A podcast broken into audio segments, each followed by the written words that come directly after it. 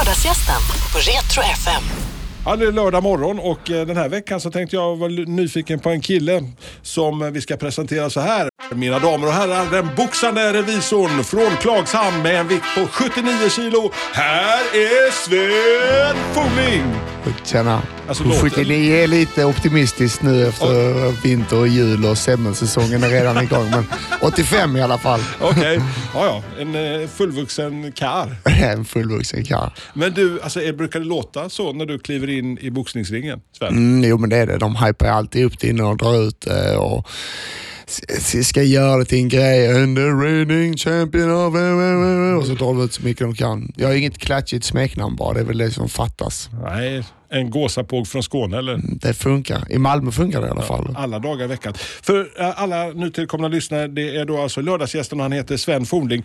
Ja, Boxats lite grann genom åren och ni kanske såg honom blåslagen här i, i december. 15 december gick du matchen. Yes, och nu är jag världsmästare. Sportradiofrågan, hur känns det Sven Fornling? Nej men det känns fantastiskt. Alltså jag har fortfarande lite svårt att landa i vad det är som har hänt och mitt nya liv som börjar. Men det känns otroligt. Det, det känns, på ett sätt känns det som att det var igår och på ett sätt så känns det som att det var hundra år sedan. Men det har hänt, för det har hänt så mycket sedan dess också. Men jag är redo. Smeknamn som boxare, vilket smeknamn skulle du vilja ha? Alltså, som boxare så ska man ha, vad, vad är det vad, bästa boxarnamnet du vet? Ja, det är så. Jag blev kallad Lille-Sven ganska länge, Ja. men det fanns redan Lillen Eklund. Och sen så, nu kallas jag för Benton. Det, är, det står på mina byxor och sådär också. Och det är egentligen bara en kompis som trodde jag hette Sventon och en gång när han var ganska så berusad så kunde han säga Sventon, så sa Benton. Och så alla kallar mig Benton nu. Och så Benton är väl mitt namn. Ja, på och de det är väl blå- det jag vill ha. På de blågula brallorna du hade på matchen då eller? Exakt. Hur är livet i boxningsringen? Jag satt och tittade på den innan du kom in här eh, och tittade på de sista minuterna där. De där sista sekunderna, vad kommer man ihåg av den matchen? Eh, där när du tog sista bältet här nu. Från slut, men det är, jag kommer nästan inte ihåg någonting. Man går in i Matrix på något sätt. Du, du går på ren känsla och instinkt. Du, du gör bara det du känner där och då. Jag kan inte efteråt kan någon säga, ah, vilken bra kombination du fick in där. Och jag kommer inte ihåg det. När matchen börjar då, vad är den känslan? När du står där och de har ropat upp den andra och du står där och, och ska skaka tass och så. Ja, men det är som en blandning av en känsla av att du ska på en stor, stor fest och att du står på death row och ska gå in och hängas mer eller mindre. Det är däremellan du pendlar. Lite dödsångest och glädje. Ja, på samma gång. Åh, fy. Men första gången du boxades, var det samma känsla eller har det ändrats genom åren? Det är ganska konstant. Det var nog lite värre första gången och jag tror att det har blivit lite bättre med åren. Men många säger det, ja men så mycket folk och TV och så här, men du växer in i uppgiften så att det är ganska konstant nervositeten rakt igenom skulle jag säga. Det enda skillnaden är att jag har lärt mig hantera mina känslor till det runt omkring bättre så att det går lite lättare nu. boxningen, finrummet, det känns ju som att den delvis är där men ändå inte. Ungefär vid OS så är den i finrummet, boxningen. Men- nu liksom proffsboxningen som har varit tillåtet nu några år. Alltså hur, så här, uppfattningen i vardagen. Men nu så här, jag boxar, så här, proffsboxning. Nej, den är inte riktigt i finrummet, men konstigt nog så känns det som att sen MMA blev så stort som det blev så har boxningen tagit ett kliv mer åt finrummet. Jag vet inte hur ofta jag hör folk komma fram till mig och säga äh, boxning, ja, men jag gillar boxning. MMA tycker jag ja, det är grisigt, men boxning det är, det är en riktig sport. Det är en sån- helt annan sport. Vad är, är den vanligaste fördomen men du får höra om boxning? Alltså nu när du har hållit på ett par år. Ja, det är en bra fråga. Nej, men jag brukar få höra att, att jag ser inte ut som en boxare och andra kommentarer brukar vara och någonting om min näsa, att jag inte har en riktig boxarnäsa än, vilket jag är på väg att få, vilket du kommer att få om du boxar så mycket såklart. Ja, jag tycker att den börjar arta sig, eller fin Sven. Det, ja, tack så mycket. Alltså, jo, men den är på väg. Du kommer att banka ut den. Till sist så ligger som en schnitzel i ansiktet på dig. Okej. Vad, säger frugan? För du är ju gift sedan några år här ju. Någon se laseroperation så fort jag är klar. Är det så? Nej, det säger hon inte. Nej, Nej hon har väl accepterat det. Hon, hon, hon, hon älskar väl mig för det på insidan och Ja, allt det där. här, beauty's only skin, är på allt det där. Alltså. Exakt. Ja, Sen ett bälte runt midjan gör inte saken sämre. Nej, precis. Det, håller gärna, det kan ju vara bra det bältet när man blir äldre och man har lagt ut så kan den ju hålla tillbaka allt det andra som är på väg att välla ut. Det exakt, det är som en gördel Ja, nästan. exakt. Idrottsgalan eh, var vi ju några som satt och tittade här om kvällen och då tänker man, där var ingen Sven Fornling på Idrottsgalan. Och sen läser man i Aftonbladet, han var inte ens inbjuden. Alltså berätta. Så den där, vi läste ju kvällstidningen här i veckan. Ja men precis, jag var ju inte inbjuden och varför, jag vet inte. Någon sa att utskicken för inbjudan gick innan, men då får de väl ha någon reservation för att de kunde fått en världsmästare kan man tycka. Så att jag var inte inbjuden, men via min manager i Stockholm så fick jag en inbjudan och då sa han att vi, vi kör en liten kupp av det. Du var väldigt stiligt klädd med smoking och allting. Ja, smoking, båda bältena som jag har och sen så smet in på röda mattan och stal showen så gott det gick. Ja, fantastiskt. Alltså, eh, det var lite stressigt där när du skulle klä om och byta om till eh, smokingen innan tiden stämde inte. Jag vet att du lovade att du skulle inte berätta. Frugan sa att berätta inte detta. Men jag tycker att det ändå var fasen. Jag kommer framstå som en idiot ändå antagligen. Så det Absolut li- inte. Lika bra att berätta det, men jag, jo, jag fick stressigt och den här smokingskjortan, jag skulle få ner flikarna på den lite grann där. Och det gick inte, de låg snett. Så jag satte på strykjärnet och insåg att jag kommer inte att hinna ta mig skjortan, det är omöjligt. Så eh, jag försökte stryka skjortan på när den satt på mig. Så nu har jag tre fina brännmärken runt halsen. ja, det gick inte. Försök Nej. inte där hemma om ni hade tänkt det. Nej, det är inget, inget att rekommendera. Så det, vi tar inte konsekvenserna. Exakt. Men hur började det med boxning? För jag vet att du kommer inte från någon idrottsfamilj, Sven. Nej, inte på något sätt. Ingen i min familj har varit, alltså, inte hållit på med idrott men inte varit intresserad av det på något sätt heller. Och jag var inte speciellt sugen på att börja någon idrott men jag var och därför när jag var i tioårsåldern så var jag väldigt överviktig. Eh, och sjuksystern då på min skola sa att nu, nu måste du göra någonting med vikten. Du måste göra någon form av motion. Eh, jag, jag, jag visste inte vad jag ville göra. Jag tänkte å ena sidan boxning, för det verkar vara en tuff och häftig sport. Å andra sidan bowling. Så jag stod och vägde mellan de två jag funderade länge på det. Det är inte lika spektakulärt med bowling kan jag säga, men det är kul. Det är kul. Jag, jag undrar ibland hur jag hade sett ut som en bowlat idag. Jag hade nog varit betydligt tjockare, men kanske gladare också. Jag hade nog varit en jävel på bowling också. Ja, eller hur? Du har ett jäkla... Alltså jag ser ju det i ögonen, alltså det lyser om dig. Alltså du, har ju sett inför matcherna att du har någon jävla vinnarskalle, så här, lite pannben där man måste ha när man kliver in i zonen. Jo, men jag är extremt envis så jag tror det är därför boxningen har passat mig bra för du måste vara väldigt, väldigt envis. Alltså, jämfört med många andra sporter så är boxningen en sport att blommar ut i ganska sent. Och hårt arbete är viktigare än något annat i den sporten. Jag har tränat med min envishet hur länge som helst och hur hårt som helst. Så då blir det bra till sist. Har du några goda råd till de som sitter där, liksom, uh, ungar som kanske har gått upp några kilo för mycket, speciellt efter jul och suttit för mycket med sina paddor. Och, alltså, hur det funkar för dig när du tog det där klivet? Var det bara en envisne Sven eller? Nej, jag räknar kalorier. Gjorde du det? Jag fick av min mamma en gammal viktväktarbok där man räknar kalorier. Så jag räknar strikt kalorier på allting. Lättare för killar tror du än för tjejer eller? Mm. Jag, t- jag, jag låg på 1000 kalorier om dagen tror jag, eller något sånt. Och det, men jag gick ner alltså, 25 kilo eller någonting. Hur mycket kalorier, om du vänder till Sven 2019, hur mycket kalorier får han i sig på en dag idag då? Nej, jag har inte räknat. Jag vågar inte räkna. Framförallt igår käkade jag semlor till frukost. Så nu, nu är det dags. För jag har sagt det, nästa vecka då börjar liksom riktiga hårdträningen och strikta till det med kosten och sådär. Men, men hallå Sven, du och jag träffades här nu precis efter helgerna och nu ska, alltså, sa du det också att nu ska jag börja och det är ändå ett par veckor sedan Sven. Ja, men jag räknar inte med att semlesäsongen skulle komma igång så tidigt. Den var inte med där i. Nej, den var inte med i beräkningen. Revisor är du i det civila för att man tänker ju att en boxare håller ju definitivt inte på med eh, siffror på det sättet. Jag tränade ganska mycket men jag var tvungen att göra någonting. Jag hade jobbat lager rätt länge och ville plugga någonting och så hade jag en kompis som hade gått någon KI-utbildning. Så hoppade jag på den och pluggade ekonomi och sen så, Och där är du nu. ja, det har bara fortsatt. Tysk revisorsfirma i Malmö och en tysk eh, manager och ett, eh, du jobbar med en klubb som boxare nere i Tyskland också. Så Tyskland är en liten röd tråd. Mm, och ändå fick jag IG i tyska. Det var enda ämnet i grundskolan jag fick IG var tyska. Jag sa till min lärare, jag bryr mig inte för jag kan ändå välja bort tyskan som ämne. Solveig Östnäs, jag ångrar mig idag. Jag skulle läst tyska, du hade rätt. Sehr gut, spitze, toll, schwinga. Ja. Ja, jag kan, alltså, det är märkligt hur fort man glömmer det.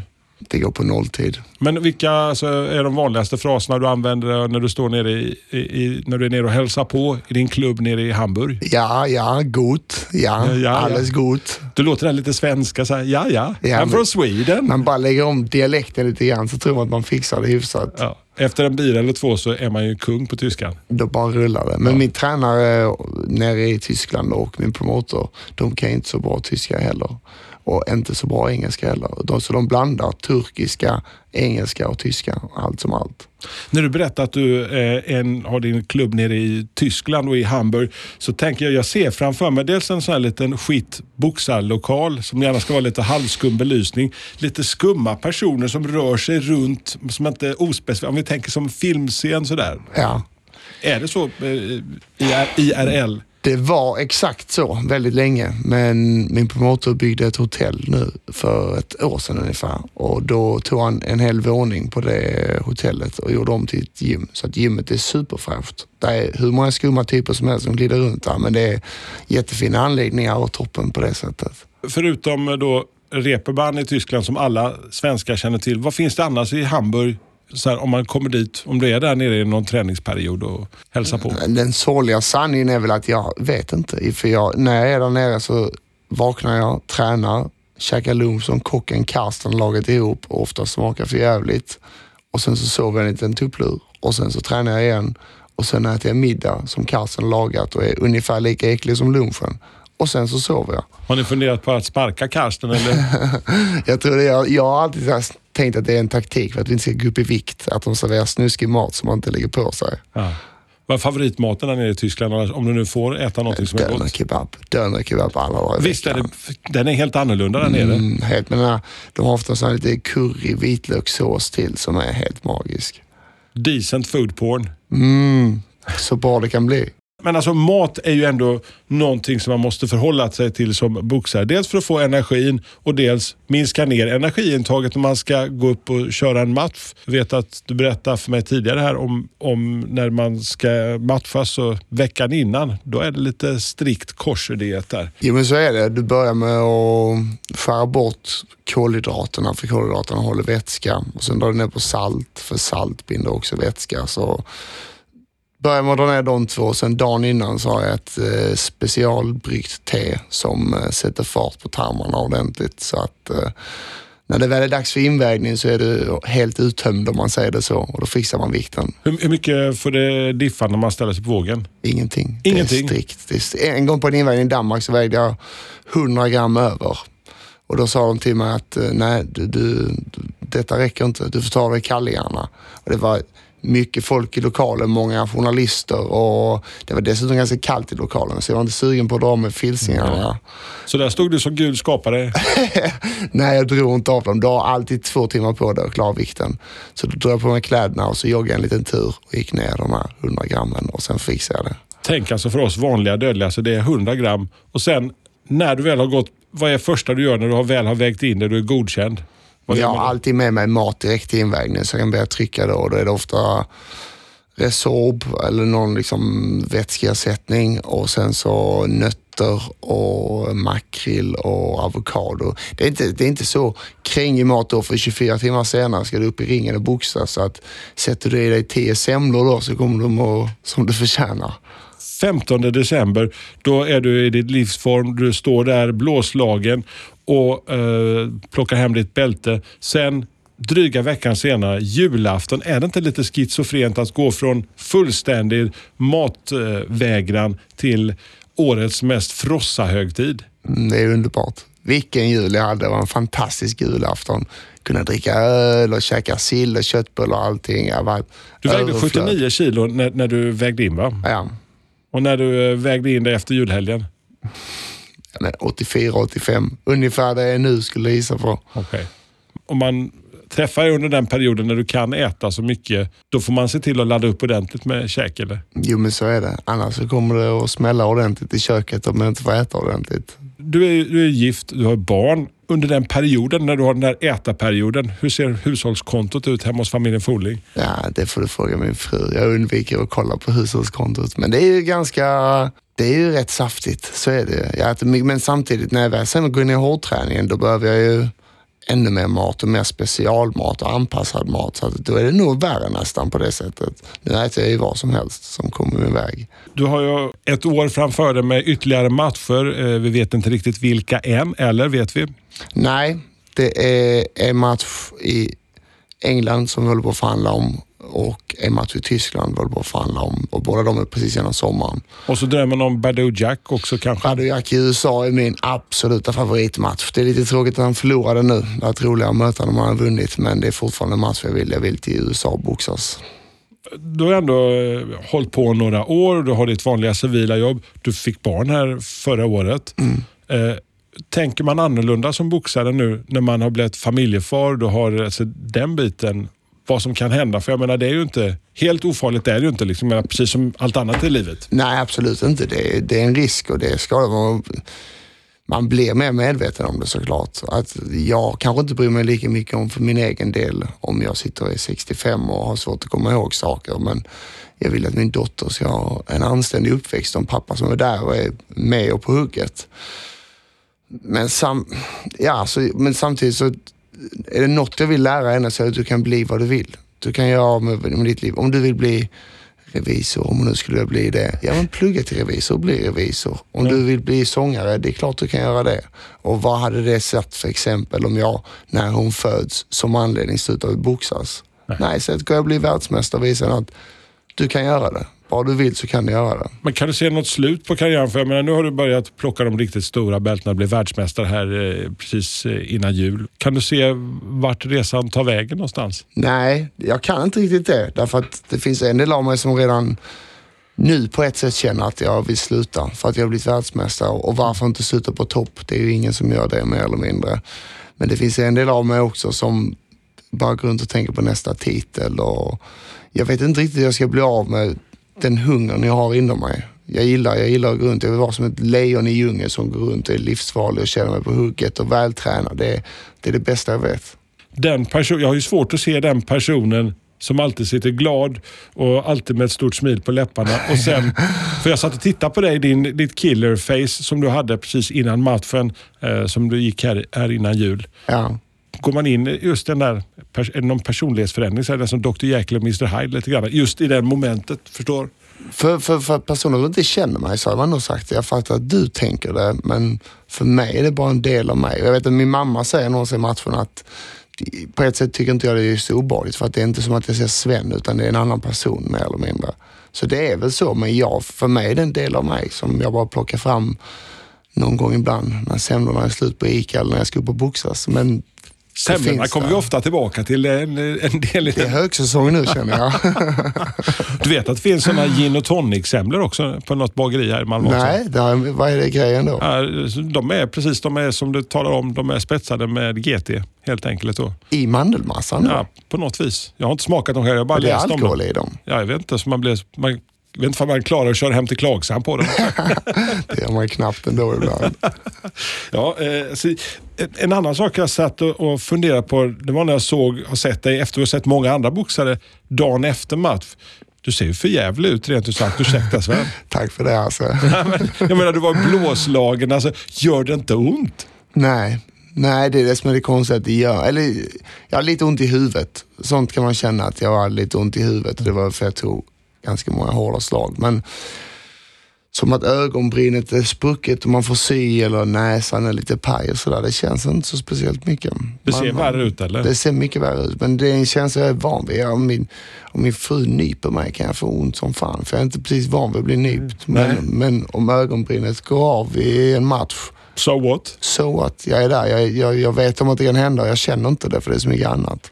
Vi har alla sett eh, fantastiska boxningsfilmer och där finns ju allt från Tjuren till Bronx, Tjuren från Bronx. Men där finns ju också den klassiska första Rocky-filmen, Rocky Balboa.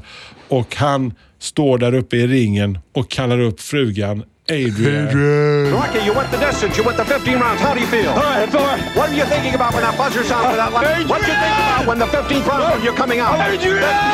Lite grann så var det för dig. Eh, din fru Tove var med på plats nere. Men hon var med på plats. Det var första gången jag lämnade bort vår dotter också och var med när och stöttade. Och, men efter matchen var det enda jag, jag kände sån kärlek i mig och det är så många känslor. Så det enda jag sa att det var att jag ville upp Tove i ringen. Så det var Tove, Tove, kom upp till ringen.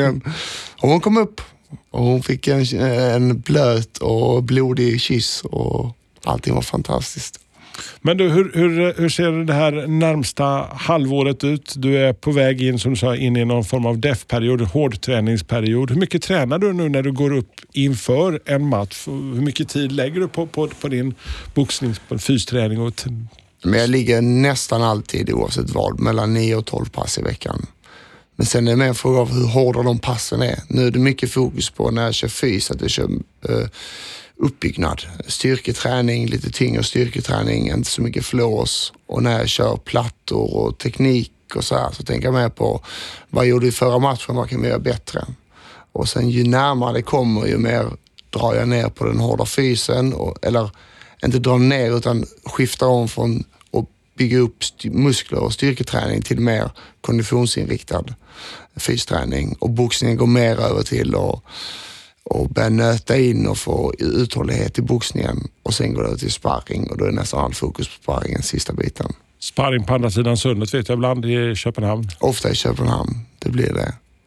Eh, Fy, fysträningen överlag, tänker man, liksom, har, den, har den ändrats mycket genom åren sedan du började med boxning? För, att, för mig är boxning alltid förknippat med ett eh, rejält hopprep och så eh, gärna liksom en gym liknande. Men det är mycket mer, mycket mer smidighetsträning. Alltså, bara- Både och. Alltså, det finns vissa boxare som har tagit den här fysen till en ny nivå. De är mycket crossfit-inslag och de ser supervältränade ut och tränar helt annorlunda än vad de gjorde förr i tiden. Men det finns fortfarande kvar de som mer eller mindre kör old school, hoppar hopprep, boxas och springa. Jag är nog mer åt old school hållet. Jag håller min träning ganska traditionell. Då måste ju lilla dottern snart uppskatta när du kan ut och hoppa re- hopprep med pappa på gatan hemma. Då. Ja, det är väl några år till. Ska hon hålla mitt tempo så kommer det vara många år till. Men eh, absolut. Vad är det som kan driva dig en dag? För menar, för oss vanliga dödliga så kan det vara så att man tänker att ah, ska jag gå iväg till gymmet idag eller ska jag ta den där löprundan? Känner du aldrig så att du vaknar upp en morgon och tänker att ah, jag orkar min själ inte alltså, gå upp idag, jag tar och drar. Eller vad är det som kickar upp dig ur sängen? Jag känner så nästan varje morgon när jag vaknar att jag inte vill. Men det är inte så jobbigt för mig att träna. Alltså känslan av att vara på gymmet och vara ute och springa för mig och vara tungt andfådd till exempel. Det är inte så jobbigt för jag gör det så ofta. Så att det är en ganska normal känsla för mig. Och sen så är det mycket terapi. Jag, det är nu, nu, jag har familjeliv, jag har en liten dotter hemma och så. Det är enda gången jag är 100% fokus på bara boxningen eller träningen, vad jag gör för någonting. 100% är jag inne i det då. Det är meditation nästan för mig. Så att det är fantastiskt för att träna. Om jag, om jag är helt ledig en dag och inte är med min familj, då är det velat att bara träna hela dagen. Men vem är det som bestämmer hur länge man får ha? Alltså, vi hoppar till ditt eh, härliga bälte, dina bälten. Du har ett par stycken hänga hemma vid. Ja. Vad är det som avgör att man får en match eller inte? Är det förhand- Hur funkar det där? Alltså vem, vem man får gå upp mot och så vidare. Det måste ju vara någon som är rankad tillräckligt bra inom ens organisation och sen så har man någon officiell utmanare. Och tanken är att du ska möta den officiella utmanaren inom ett år, men helst direkt när de har vunnit titeln. Och sen kan de få dispens och möta någon av de andra rankade och då kan man säga Ja, men till exempel att det kommer någon engelsman då som är rankad tillräckligt bra för att gå med i titel och så skickar de ett mail till mig och säger att eh, vi vill eh, fixa en match mot den här boxaren och eh, vi erbjuder så så mycket pengar och det är det datumet och den platsen. Är du intresserad? Och då får jag ta ställning till det och så förhandlar man fram matchen och sen vinner jag matchen och behåller mitt bälte och så tittar man på nästa motståndare. Eller så är det min promotor, mitt team som arrangerar galan. Och då säger man till exempel att ja, men nu har vi en gala i Malmö. Vem vill du möta? Här är potentiella motståndare som får gå om den här titeln och så får vi försöka förhandla fram vem jag ska möta och vad som är rimlig betalning och så vidare. Och så ska man kliva in där i ringen och alla boxare har sin egen tune som de eh, glider in till. Jag vet att eh, när du var med på boxningsskala här för ett par år sedan så var det en specialare, lite härlig skånskt. Vilken då? Lite grann från ovan. Både skogar, sjö och strand blir ett enda sagoland när man ser det lite grann så här från ovan. Fast inte den, alltså den funkar ju kanske inte i Tyskland om du går match där nere. Nej, jag, jag byter nästan alltid låt till nya matcher för jag gillar hela grejen att sen när jag är ute och tränar och det kommer en eh, låt på min, eh, på min iPhone så då är det ett minne som är förknippat med den galan. Jag gillar att ha en låt som jag förknippar med hela händelsen så att säga. Men det finns ju- typ La Bamba har jag gått in till ganska många gånger och den gick nästan alltid in till början. La Bamba. Har, men du har aldrig gått in i, till uh, Eye of the Tiger eller? Nej, aldrig. Jag, Alltså det är lite jag- klyschigt eller? Det känns superklyschigt. Jag har aldrig gillat Rocky-filmerna så mycket heller. Alltså, om man nu ska då ta ämnet uh, boxningsfilmer. Bästa boxningsfilmen. Tjuren från Bronx alla dagar i veckan. Men Kan du tänka dig liksom att gå in i en sån roll och bara äta upp sig, träna upp sig så fullständigt, hänge sig från att vara ingenting? Det, det, flera säger till mig, som, vad är det för en förebildsfilm? Det är en ganska störd man som har problem med maten, alkoholen och slår sin fru. Vad, vad finns det? Men jag kan inte riktigt förklara vad det är, men det är någonting med Tjuren från Bronx. Den fångar ändå Känslan. något som finns hos en boxare. Ja, det är en känsla hos boxarna. Att man är helt ensam och man vill bara överkomma allting. Man vill göra det på egen hand. Där finns någonting. Jag ser den alltid. Dagen innan match ser jag alltid Tjuren från Bronx. För de som aldrig har boxat, vad är själva charmen? Vad är grejen förutom adrenalinpåslaget och kicken där? När du står där och försöker läsa av din matchen har precis gånggången har slagit och ni börjar titta in på varandra och känna på varandra lite grann. Vad är det som är, är grejen? Nej men det är ytterligheterna med boxningen. Alltså du ska vara het som eld på ett sätt och verkligen ligga på och det är högt tempo. Men sen så måste du vara kall som is också och ta det lugnt och titta. Du ser, han slår, var öppnar han sig? När han jabbar, då öppnar han sig. Där finns läge för en krok. Vänta med att slå kroken. Han börjar bli trött. Nu, nu kan jag slå kroken. Så slår du kroken och så går den in. Det är, det är jäkligt mycket tankearbete låter det som. Otroligt. Jag tror, för, generellt sett när folk ser en, en Rocky-film eller en match och de har inte kollat på så mycket boxning innan så tänker de att ja, men det är väl bara att gå in och veva lite grann. Men där finns så otroligt mycket tanke bakom boxare på hög nivå. Så att det är lite grann som alltså, eh, schack fast med boxhandskar på. Ja, det är det. Det är, det är schack och samtidigt så får du stryk. Och sen samtidigt ska du ha en plan och behålla den i huvudet medan någon konstant försöker slå dig i huvudet. Men vad är, vad är, då där när man har gått ett par ronder, man är getts allt, allt. Är det där det börjar bli lite farligt för man börjar bli trött? Man tänker inte lika mycket. Är det lätt att hålla uppe skärpan, tänker jag, när man går en sån här ett match med flera ronder? Det är svårt. Eller det, för mig i alla fall är det en av de svåraste delarna av skärpan, att vara där. Och samtidigt så är det så mycket folk runt omkring dig och börjar du eh, höra saker i publiken och du börjar tänka på andra saker och så väg i huvudet så är det kört. Utan du måste vara 100% där hela tiden. Bara titta, titta, titta och vara beredd. Det såg ju inte så vanskligt ut när de här sista, när gånggången gick och du hade vunnit där. Att, eh, det, det såg ändå rätt så snällt ut. Alltså. Men här, har du någon gång varit med om den där supernocken så att någon bara ligger där och bara ser eh, sparvar snurra runt skallen?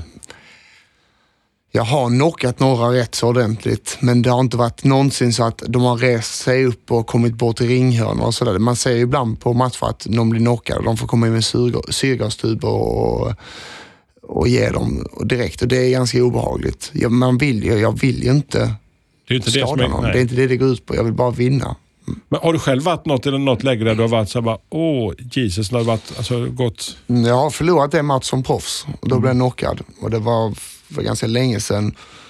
Han slog hårt. Jag kommer ihåg att det var verkligen, han fick in två slag. Jag tänkte, gud vad han slog hårt. Alltså han slog så hårt. Jag har varit med om något liknande. Och sen så fick han in en bra träff så att ögonlocket gick av och ögon, ögonlocket började sjunka ner i ögat på mig så jag såg nästan ingenting. Och så fick han upp mot repen och fick in några riktigt bra träffar. Och domaren sprang in och bröt den direkt. Så jag var aldrig nere i backen, men jag var illa ute. Kan du inte i de lägena tänka dig liksom att, vad fan håller jag på med Sven? Vad håller jag på med? Nej, nej det gör man inte. Ytterst när du håller på att bli knockad, eller för mig i alla fall, när jag håller på att bli, och, gå dit, då kan jag få gamla minnen. Det kan komma minnen från min barndom som flashar upp i huvudet. Det är väl lite li- livet passerar revirkänsla nästan över det. Men det måste ju ändå vara är det inte då just det grejen som är grejen med boxning? Att man, precis som du säger, man lever, lever, lever verkligen på kanten mellan, man balanserar på den där tunna tråden. Jo, men så är det. Så är det. som, alltså vi vanliga eh, som inte kanske knockar varandra till vardags, alltså får uppleva den känslan. Nej, exakt. exakt. Det, det, är som, det är nog otrolig känsla också, samtidigt som det är en galen känsla. Men är det inte då svårt att komma tillbaka då eftersom du har har gått matchen, komma tillbaka till jobbet här på revisorsbyrån i Malmö och sen sätta dig på kontoret och plötsligt så att ja, då är det 9 till 5 igen. Jo, det är det. det är, nu ska jag i och för sig gå ner i tid lite på jobbet och satsa bara på boxningen ett tag. Men, men det är tufft. Det är en omställning och å ena sidan så är du på Idrottsgalan och det är media och det är kaos överallt och folk vill ha autografer och sen så sitter du på revisorsbyrån och, och det ringer en arg kund och frågar varför man inte betalat fakturan i tid. Tänker man bara, ja, jag är ledsen men det har varit lite kaotiskt på sistone. Ja, du, eh, det blir en eh, spännande, eh, spännande år där uppladdning som vi då kanske inte rekommenderar till alla som ska ge sig in i det här att ladda upp med semlor. Men du får fortsätta en vecka till i varje fall och sen. Veckan ut. Jag ska få min 30-årspresent av min fru nu i helgen. Vi ska åka på spa och ha det mysigt. Så jag avslutar på topp och sen nästa vecka då, då är det tillbaka i beast mode. S- semlor i bubbelbadet. Jag ser Sven- ligga flyta. Herregud.